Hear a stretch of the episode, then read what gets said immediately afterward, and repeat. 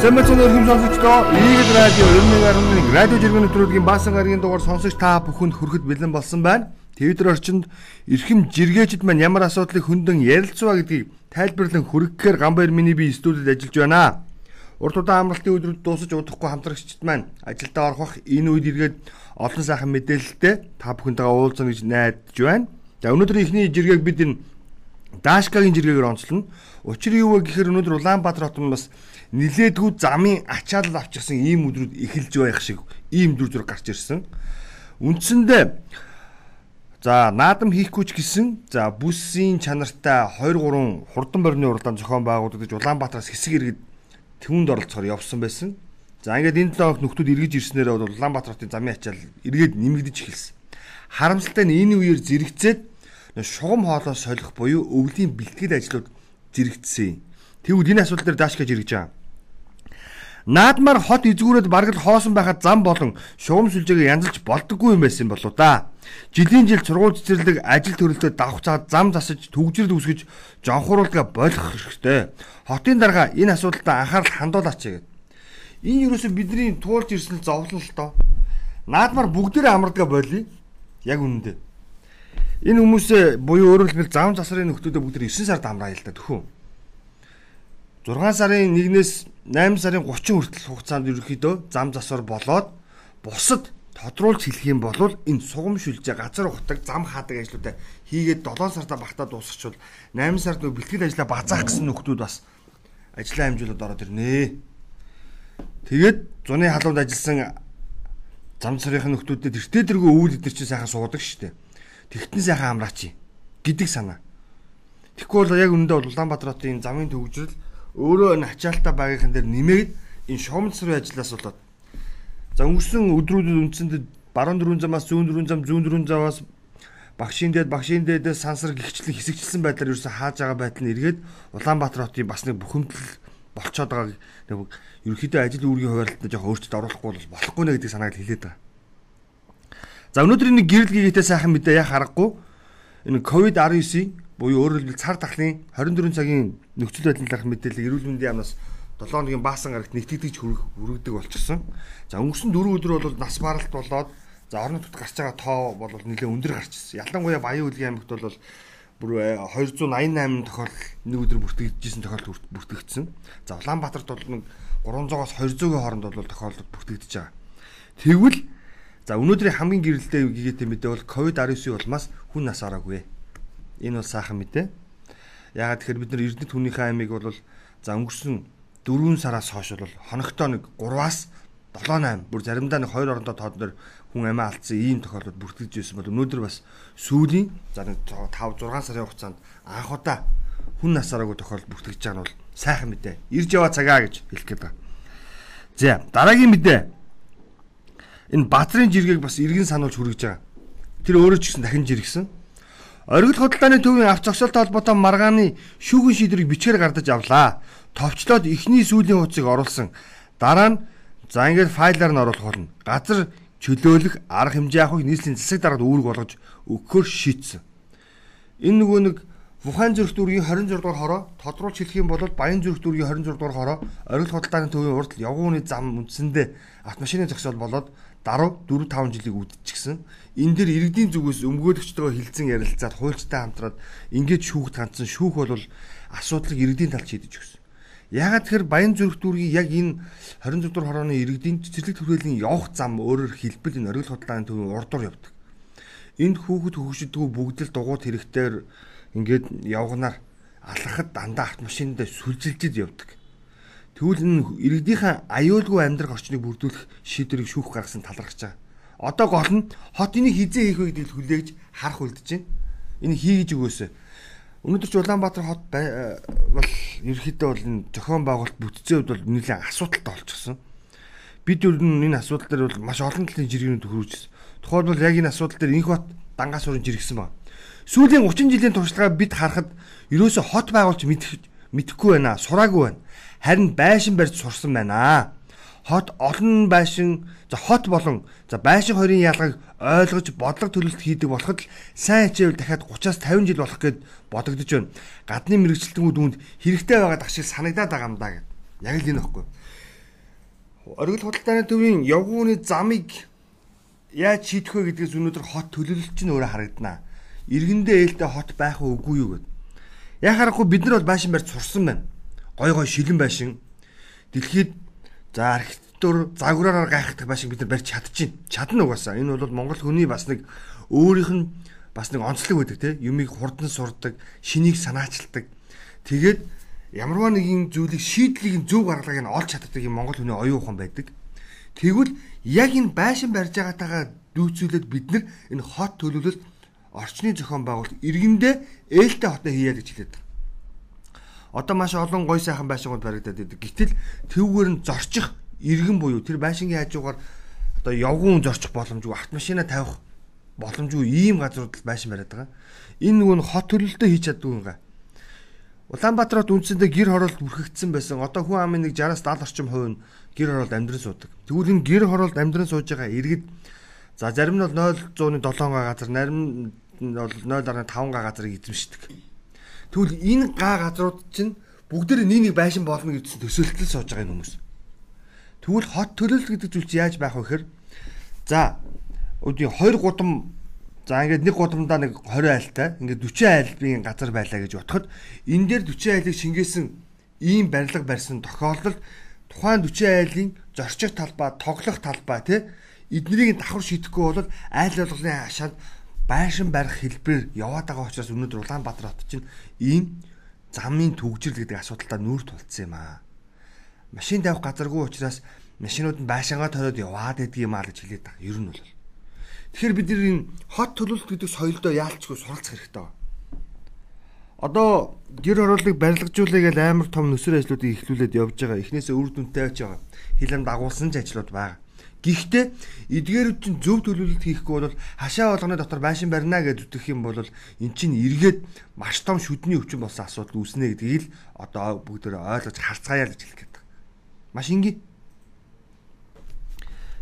За дараагийн жиргээ Дараагийн жиргээ энэ өчигдөр бид ярьжсэн гандан нэгчлэн хийдэд бас Номон хаан гэдэг номын шашны номын цол өгөх ёслол болсонтой холбоотойгоор маш олон төр нийгмийн зөвтгөлтөngүүд энэ буйны хуралд номын хуралд очиж суусан ийм зургийг нийтэлсэн.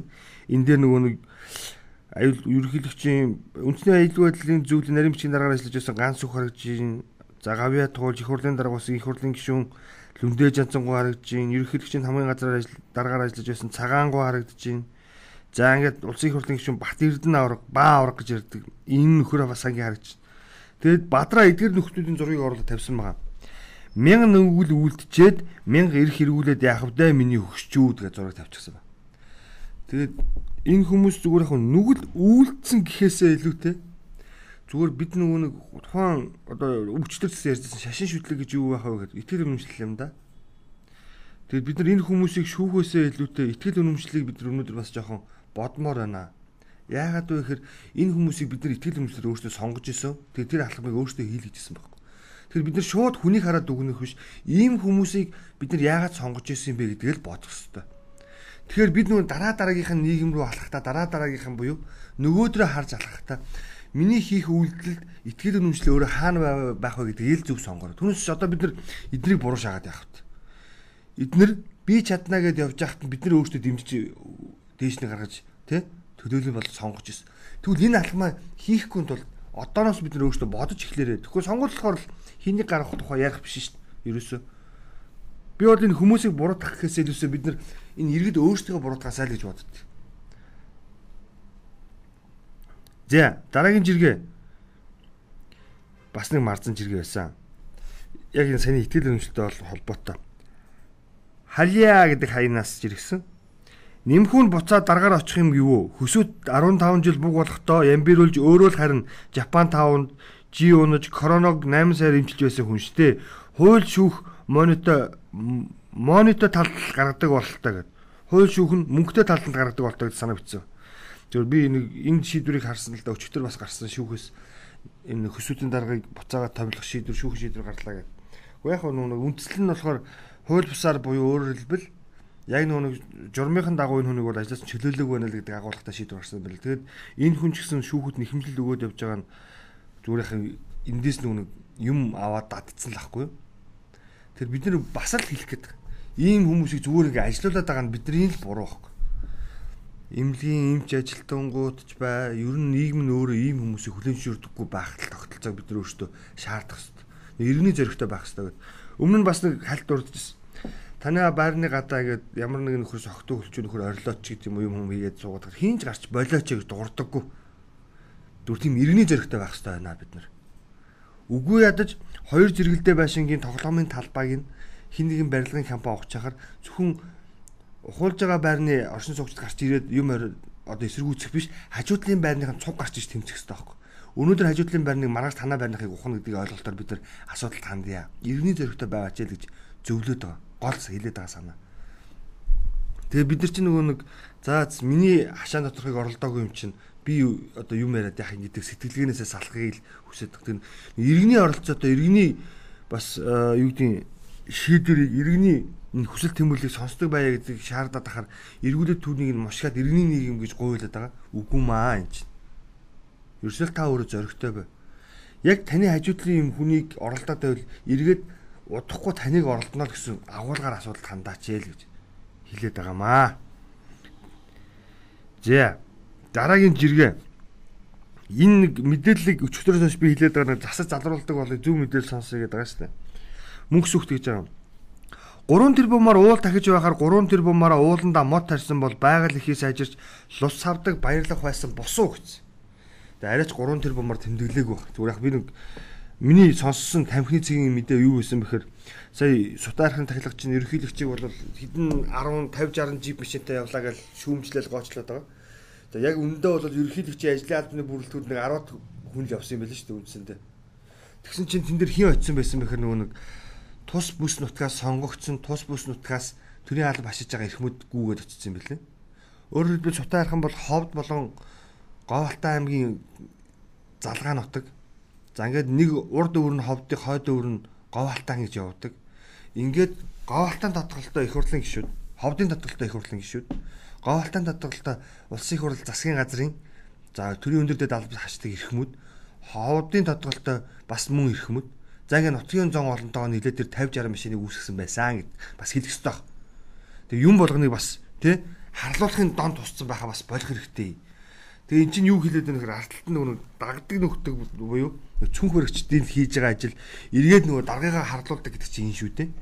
Тэр нэг ямар ч асуудал бид нар бас ирүүлэр хандъя гэж нэг хэлээд байгаа арталт нэг энэ үг байгаа шүү гэдгийг л ойлгоорой. Энэ аяллаас манайхан залхаад эхэлсэн бололтой энэ хин Арука жиргсэн ба.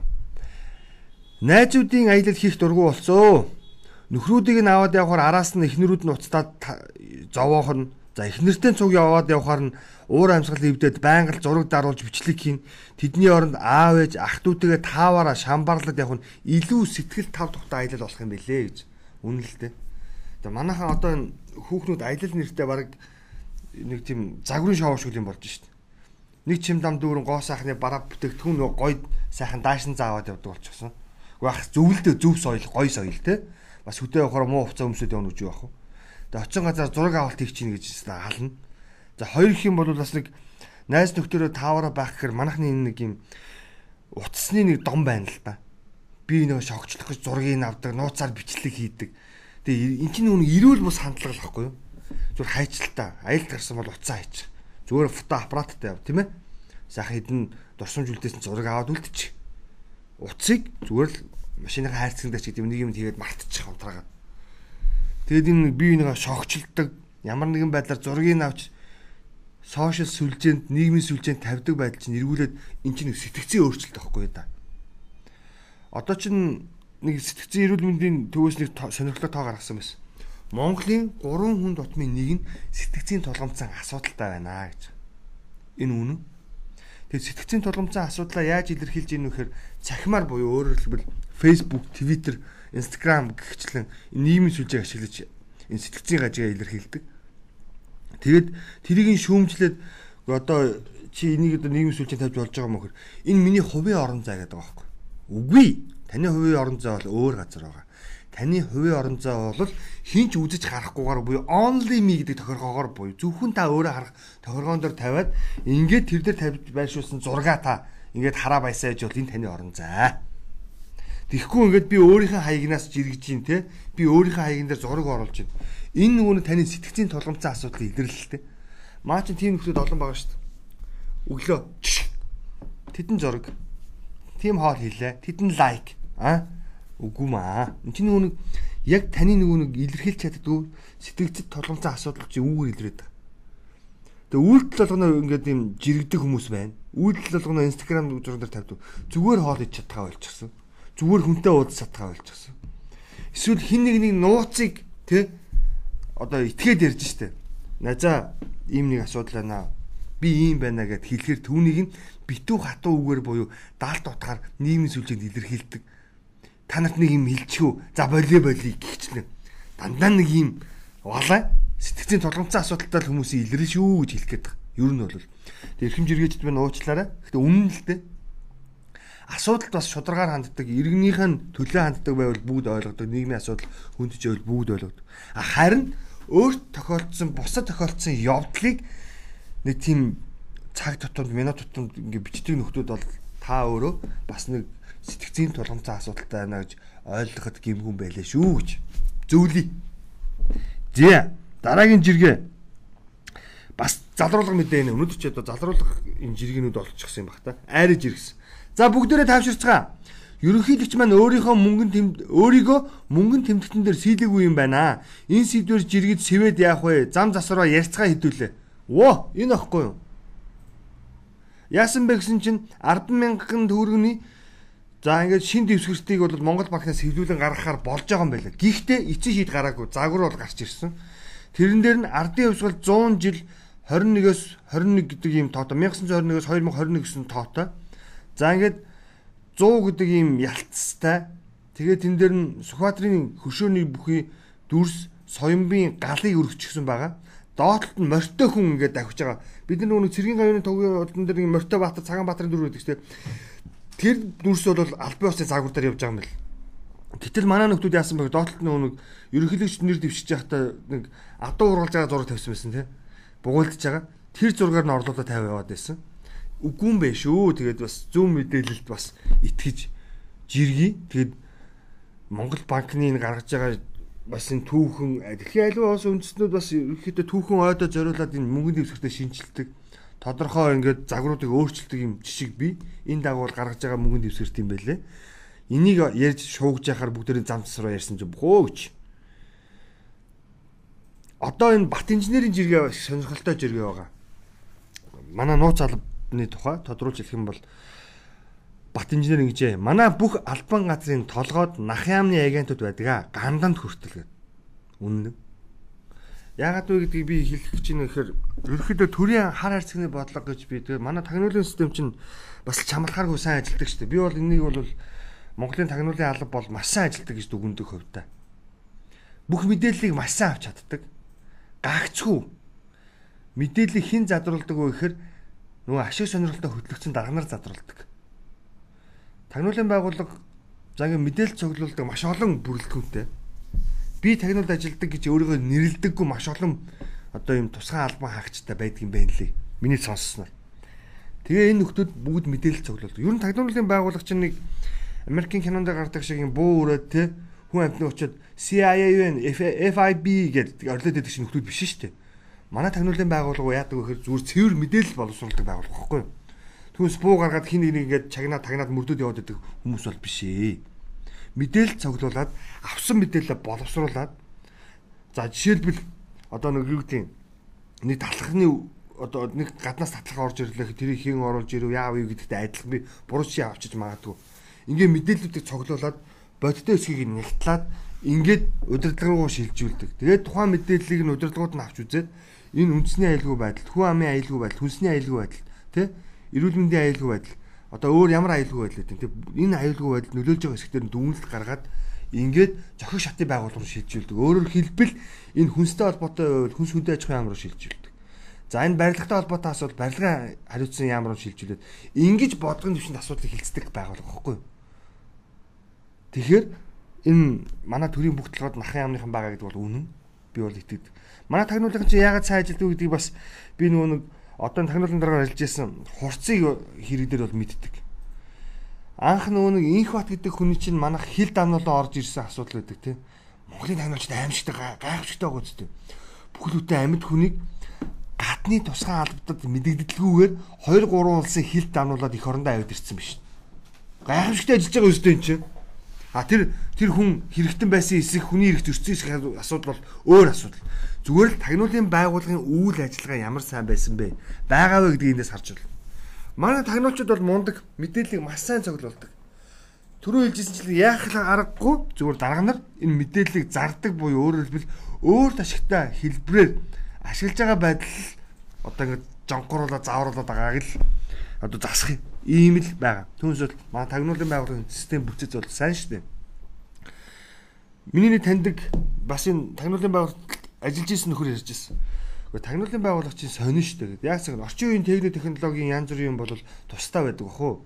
Ер нь бол албан агч нарын өрөө бол яг ингэ зүгээр л энгийн ингэ модон тавилгууд тэгээд хитэн бор цааснууд л идэв шин. Түүнээс та нарын бодоод байгаа шиг тэ ингээд энэ компьютер цэцсэн тэ хяналтын камер маамир ингээд битүү ингээд чагнах танууд хөрөмж уучлаарай тийм байхгүй шүү гэж хэлжсэн шүү. Бас л тэгэхээр манай тагнуулчид бол сайн ажиллаж байгаа гэж би боддیں۔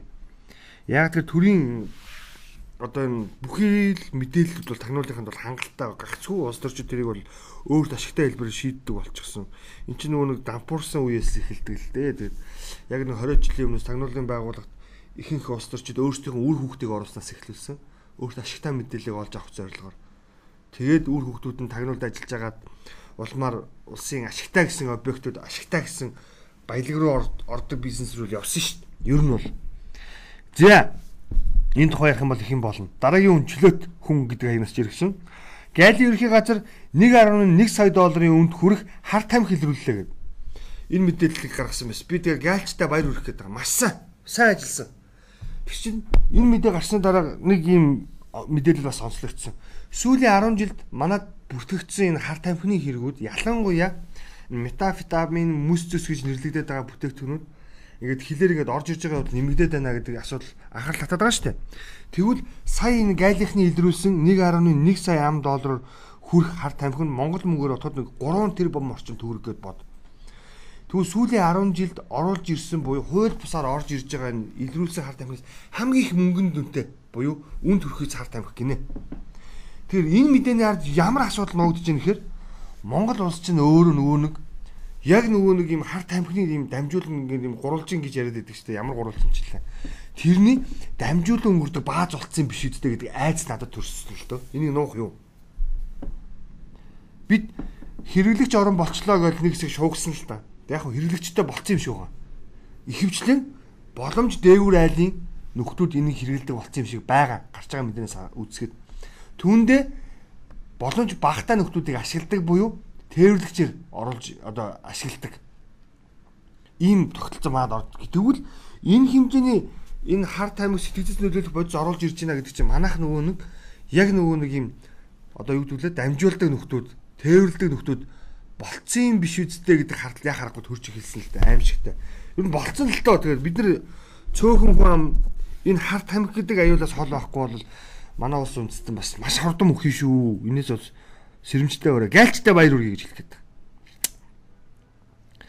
Сэвжид жирэгжээ.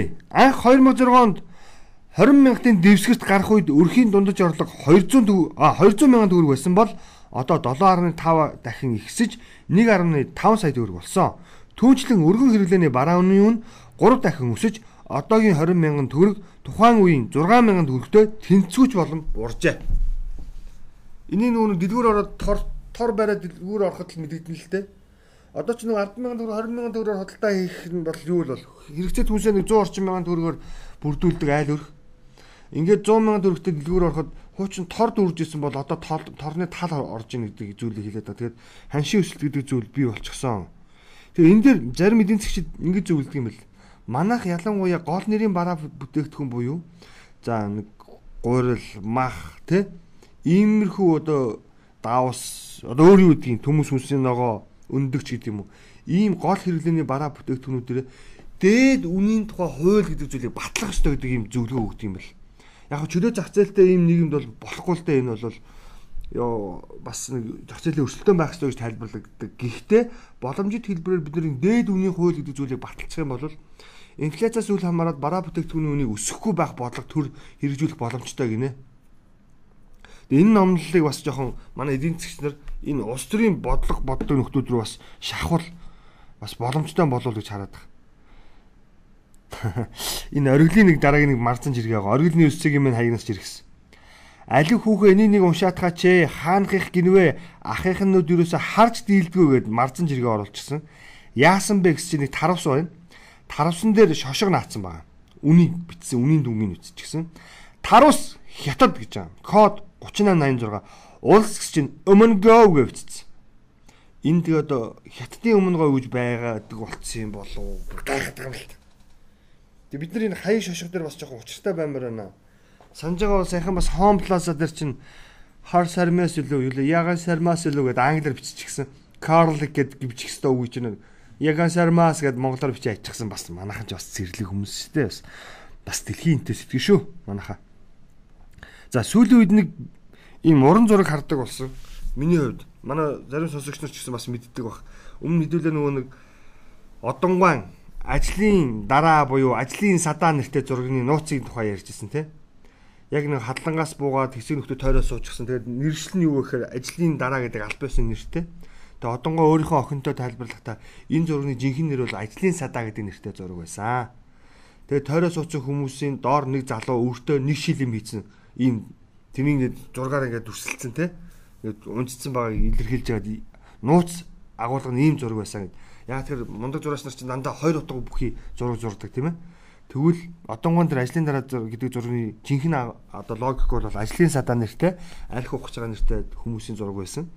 Тэгээд би өнөөдөр энэ зураач Намдан сүрэнgon 54 онд зурсан Адуучин гэдэг зургийг бол нэлээд ажиллаа. Өглөөний мэндэ Адуучин гэдэг зургийг оруулчихсан байгаа. Цингүн гэдэг хаянаас.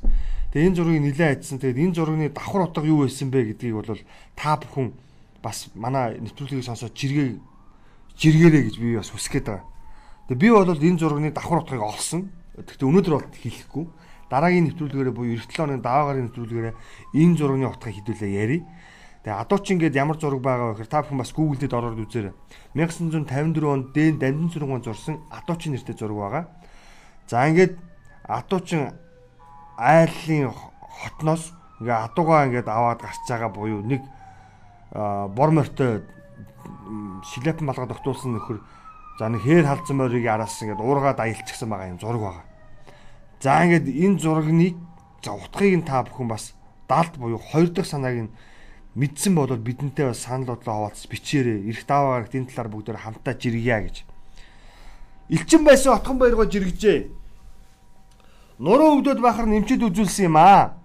Зураг ахуулах гээд ахуул гэхээр нь ахуулахаар хоёр удаа ирж буцаад бодлож явлаа.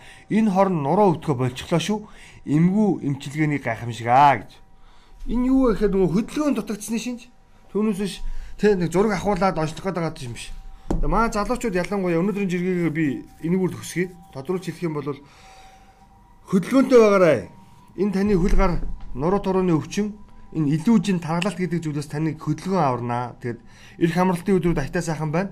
Уул хатанд давж боломжит хэлбэрээр гэр бүлэрээ та бүхэн бас алхалт хийж хөдөлгөөн хийгээрэй гэж зөвлөе. Өнөөдрийн баасан гарагийн дугаар энэ хүрээд өндөрлөж байна. Бидэнтэй хамт байсан олон жиргээч та бүхэндээ баярлалаа. Манай нэвтрүүлэг 7-ны даваагаас баасан гарагт 17 цаг 30 минутаас Eagle Radio 91.1-ээр та бүхэндээ хүрдэг мөн Eagle Цэгийн мэн гэсэн вебсайтаар дамжуулан та бүхэндээ хүрдэг байгаа. Эх 7 хоногт илүү олон шинжлэх ухаанч танин мэдхүйн мэдээлэлтэй уулзъя.